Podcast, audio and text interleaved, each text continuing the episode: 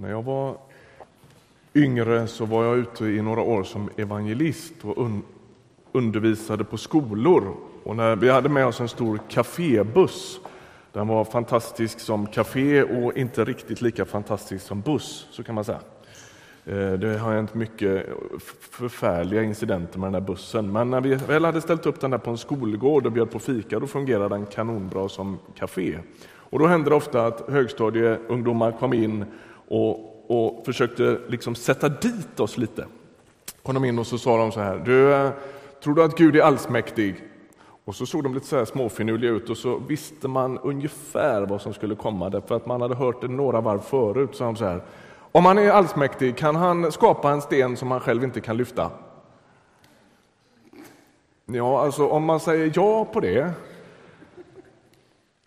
Fattar du? Det går ju liksom inte. Ja, det kan han. Nej, men i så fall kan han inte lyfta den, då är han inte allsmäktig. Nej, det kan han inte. Nej, då, ja, men okej. Förstår du? Alltså, hur man än svarar så blir det fel. Eh, och de tyckte att de var jättekluriga och man har hört den hur många gånger som helst. Och och, och får ju bara ducka för den och säga det går inte att svara på en sån fråga. Den är, den är dum från början. Faktum är att den, den text vi ska läsa idag, den, den liksom andas lite av samma sak. Eh, vi, vi, läser ju, vi läser ju Markus evangeliet under den här sommaren och eh, har kommit till kapitel 12. Och du som har hängt med över sommaren här, antingen varit här i kyrkan eller kanske lyssnat på eh, hemsidan och, och sådär, vet att när man ska försöka greppa ett kapitel så går det liksom inte att prika över det utan man får välja något spår där. Och i den här veckan så tänkte jag att vi skulle läsa från vers 13 och det står så här. Sen skickade de till honom några fariseer och Herodesanhängare som skulle snärja honom med frågor. De kom och sa till honom Mästare, vi vet att du är uppriktig. Du faller inte undan för någon och ser inte till personen utan lär oss verkligen Guds väg. Är det rätt eller inte att betala skatt till kejsaren? Ska vi eller ska vi inte göra det? Men han förstod att de hycklade och han svarade, varför vill ni sätta mig på prov? Ta hit en denar och låt mig se på den. De räckte fram en och han frågade, vems bild och namn är detta? Kejsarens, svarade de. Jesus sa, ge kejsaren det som tillhör kejsaren och Gud det som tillhör Gud. Då häpnade de över honom. Stanna där. Förra veckan så läste vi om hur Jesus drev ut månglarna ur templet och hur den där storyn till, till, liksom vid en första anblick verkar handla om pengar men kanske ändå inte riktigt gjorde det.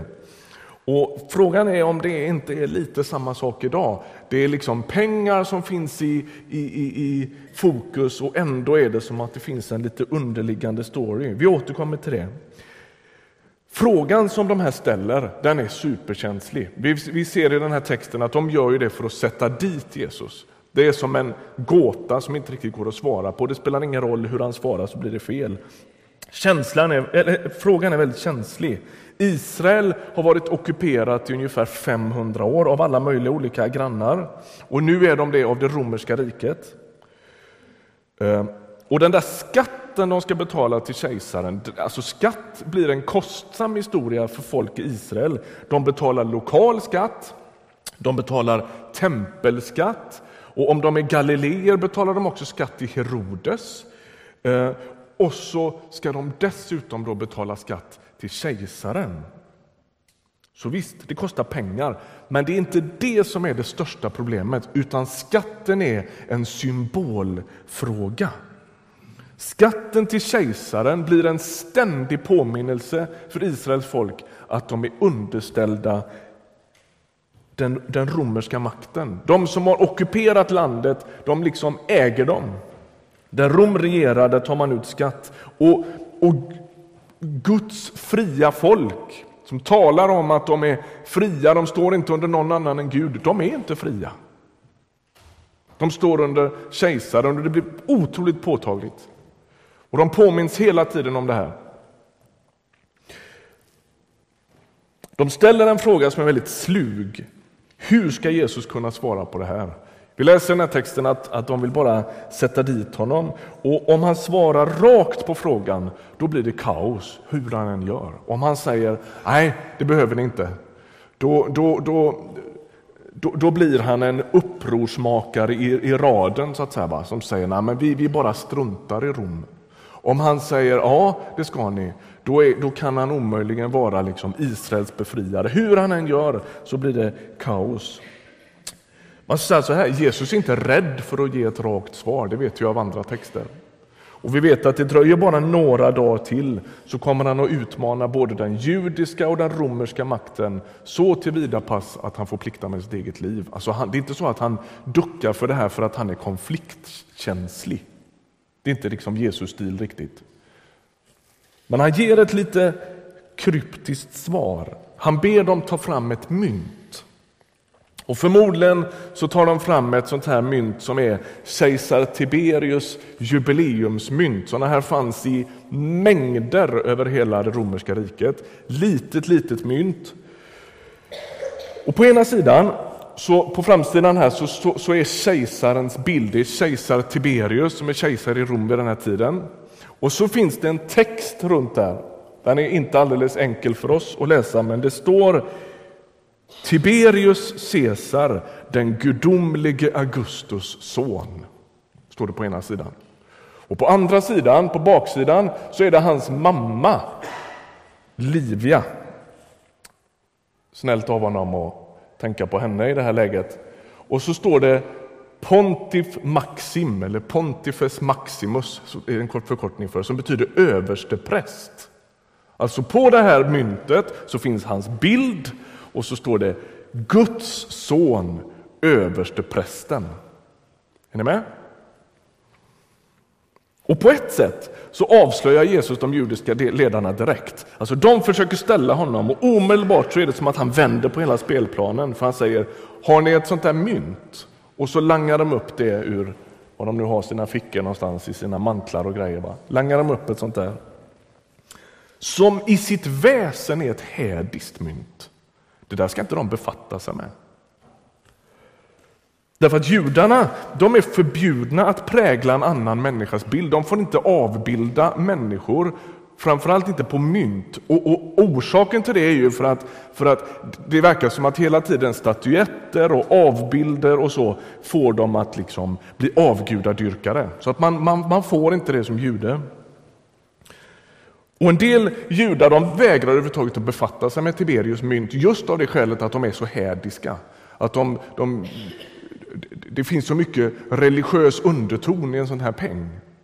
Så att de använder judiska mynt istället. Det var okej okay att använda dem för att betala skatt med. Men när de här judiska ledarna och Herodesanhängarna blir ombedda att langa fram ett mynt, då finns det ett sånt där. Och omedelbart så liksom byts, skiftar hela stämningen. Okej, okay, ni går runt med sådana i fickan. Myntet bär inte bara kejsarens bild, utan han gör ju dessutom då anspråk på att vara Guds son och överste präst. Och det verkar som att de där judiska ledarna, de är nog inte riktigt så principfasta som de först vill framstå. Plötsligt så står liksom de med brallorna nere, om uttrycket tillåts. Och så ger liksom inte Jesus något klar, glasklart svar egentligen, men det verkar som att han tycker att det är läge att betala skatten. Och det kan vi läsa av andra texter också, att, att Jesus han verkar tycka att man ska göra det. Vi kan bara notera det i förbifarten, att det är, man bör betala skatt. Men det är som om Jesus också tittar på den här avgudabilden med den hårresande texten Guds son, överste präst. Och så är det som att han säger, ge tillbaks det där skräpet till Caesar. Låt honom ha det.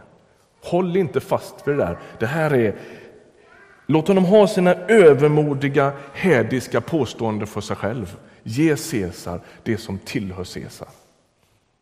Låt honom ha det. Man kan riktigt ana hur Jesus rynkar på näsan när han håller i det där myntet. Det var en bibelkommentator som säger så här, han tar i myntet som om det vore en död råtta. Alltså, ge det här tillbaka till Caesar, det här är ingenting vi vill befatta oss med. Det här är hädiskt.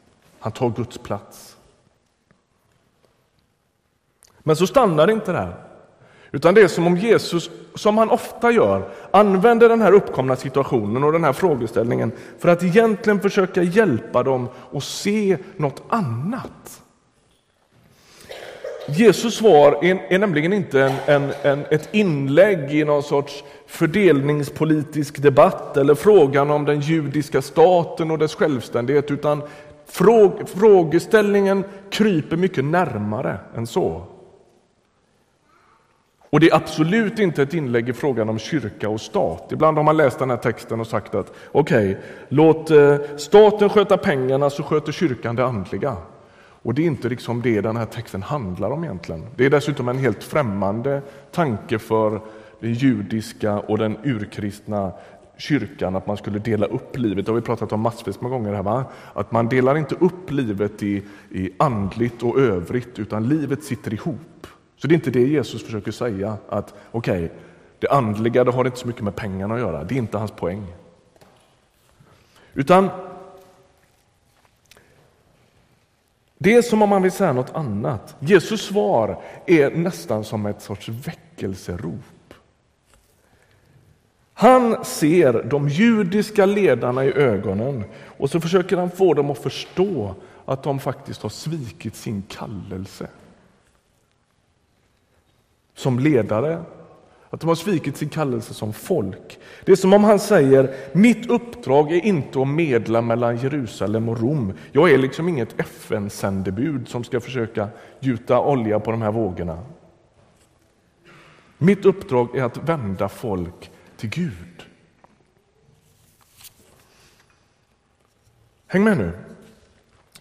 I, i, I början av bibelberättelsen så läser vi om hur Gud skapar människan till sin avbild, eller hur? Hon bär något av Guds väsen i sin natur. Hon ska genom sina relationer, genom sin tillbedjan, genom sitt arbete, genom hela sitt liv påminna om Gud.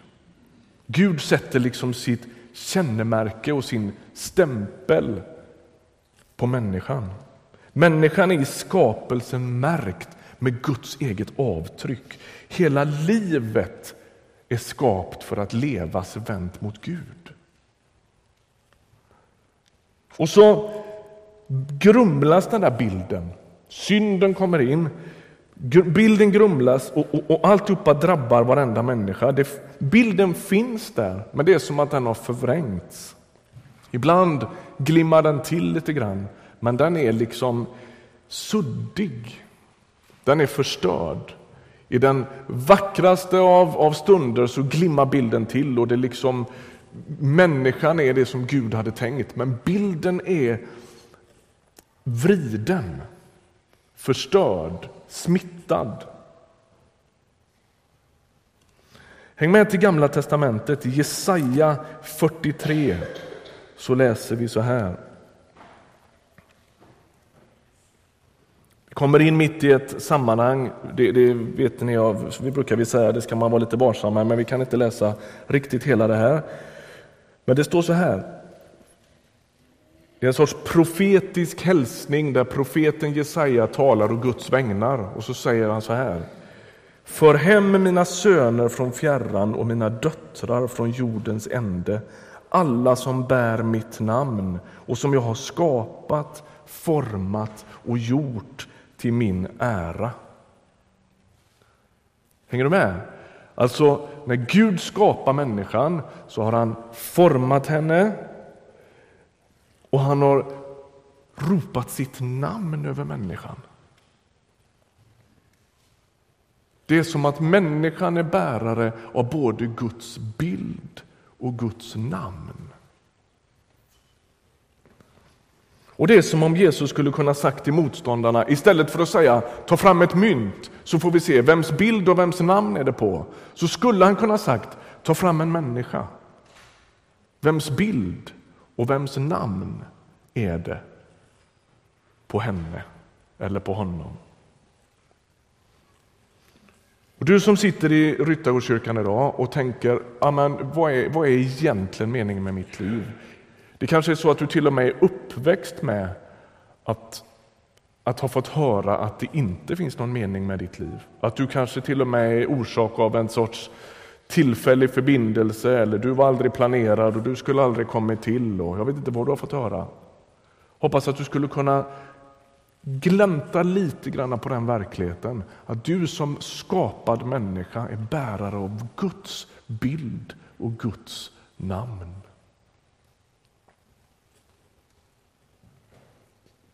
Om man bläddrar till Saltaren i psalm 24 så står det så här. Jorden är Herrens med allt den rymmer, världen och alla som bor i den.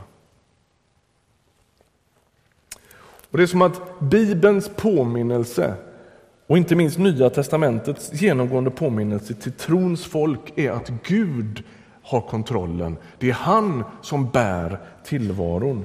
Han är den som slutligen bär hela världen.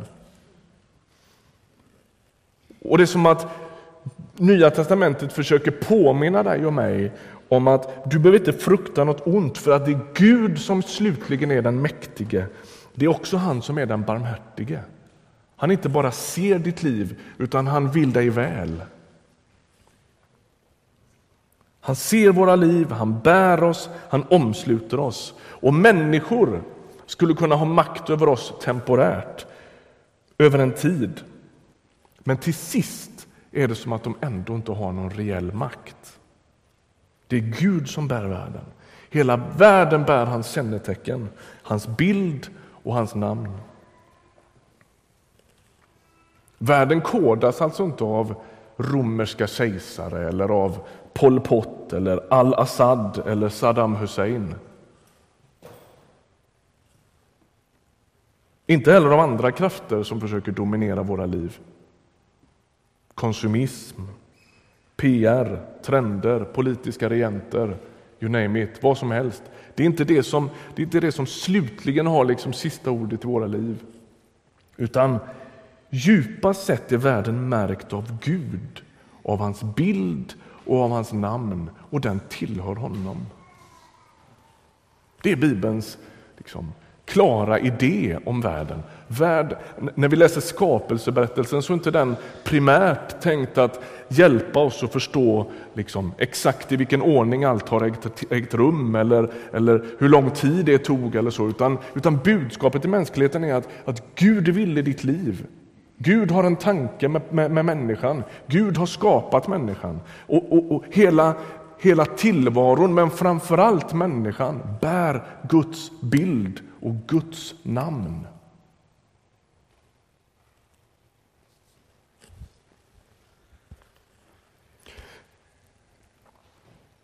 Och det Jesus underförstått säger till de här judiska ledarna, det är ju att de har misslyckats i att tillbe Gud och ge honom det som är hans. Det är så typiskt Jesus. De kommer och tycker att de sitter med liksom essen på hand. Va? Nu, ska vi ställa, nu ska vi sätta dit Jesus, här har han inte en chans. Nu tränger vi upp honom i hörnet. Och så tar det två sekunder och så är det de som står i hörnet istället. Och så men hur är det med er egentligen? Hur är det med er egentligen? Vad är det för bild och vad är det för namn som finns skrivet över ditt liv? Och så säger Jesus underförstått. Visst, ge, ge kejsaren det där myntet. Gör det. Ge honom tillbaka det här hädiska, övermodiga pengen. Han kan ha ta den. Men den djupare frågan är, om det nu är så att Guds namn och Guds bild är skrivet över ditt liv, vem ska du ge det då? Va? Om det är så att, kan vi få upp myntet igen? Om det är så att bilden och texten, namnet, säger något om vem, vems det är, så är det så att hela Bibel, alltså den bibliska uppenbarelsen försöker att påminna dig och mig om vem vi tillhör. om bilden och namnet minner om Gud, så ge Gud det som tillhör Gud.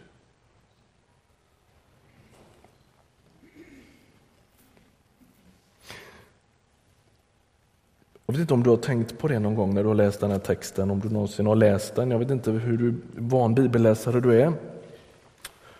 Eh, men det finns ju en annan dimension i den här korta, korta texten. Eh, den här gången så misslyckas ju anklagarna. De hittar ju liksom inget att hugga på hos Jesus och de lyckas ju inte sätta dit honom. Men det dröjer ju bara några få dagar till så är Jesus fängslad. Och så lämnar de över honom. Det är ju en märklig historia. De står i templet och så talar de om det här myntet med inskriptionen på och bilden på. Där det står Guds son, överste prästen. Och så säger Jesus, ge åt kejsaren det som han ska ha. Grejen är ju att judiska, folk, judiska ledarna ger inte, bara, ger inte Caesar bara myntet, utan de lämnar ju över honom som tydligare än någon annan i världshistorien är bärare av Guds bild. Han som faktiskt är Guds son och överste präst. Ser du vilken, vilken, vilket perspektiv det finns i en sån här text? När Jesus står där med det där myntet och säger Vem ska ni ge vad nu? Så är det ju så att han, mer än någon annan, Paulus säger så småningom att han är den osynlige Gudens avbild. Han står där som Gud i mänsklig gestalt, Guds son, överste prästen. Och judiska folket judiska ledarna de lämnar honom till romarna. Dagens poäng. Som människa är du bärare av Guds bild. Den är inte oförstörd, den bilden. Den är, till, den är nersölad och den är förfuskad av synd, men den finns där. Och om det är så att du inte kallar dig kristen, så önskar Jesus Kristus, hela tillvarons överste präst, Guds egen son, märka dig med sin bild på ett alldeles påtagligt sätt och ropa sitt namn över ditt liv. Om det är så att du sitter här i Ryttargårdskyrkan, du glider in här och jag vet inte om du är här för första gången eller om du har gått hit massvis med gånger, men någonstans är djupt medveten om att det där behöver hända med mig. Då kan du göra det innan du går hem idag. Du behöver inte kvala in. Du behöver inte skärpa till dig. Du behöver inte putsa upp dig. Du behöver inte bli som oss. Du kan bara kapitulera och säga Jesus, jag vill bli din.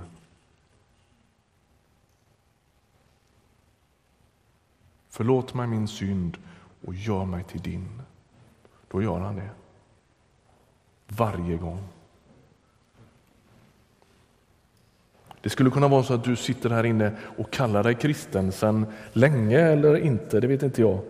Men tänk om det är så här att du också behöver höra det här som det judiska ledarskapet fick höra. Ge till Gud det som tillhör honom. Överlåt dig på nytt. Jag skulle ju kunna... Jag satt hemma och lurade lite på om man skulle bli lite mer konkret och lite mer detaljerad. Vad innebär det att överlåta sig åt Gud? Och så tänker jag, Jesus han lämnar sina åhörare i en sorts spänningsfält här. Han skriver dem inte på näsan, han säger inte till dem exakt att det är det här det innebär, utan han, han myndigförklarar dem och säger till dem, men vad betyder det för dig? att överlämna hela ditt liv till Gud. Och Därför tänker inte jag heller skriva det på näsan, utan kanske det är så att du behöver fråga dig själv det. Kanske du skulle behöva ställa den frågan i bön. Vad, vad, betyder det att ge sitt eget liv i Guds hand? Vad betyder det för mig? Vad betyder det för vår gemenskap att överlåta det som är hans till honom?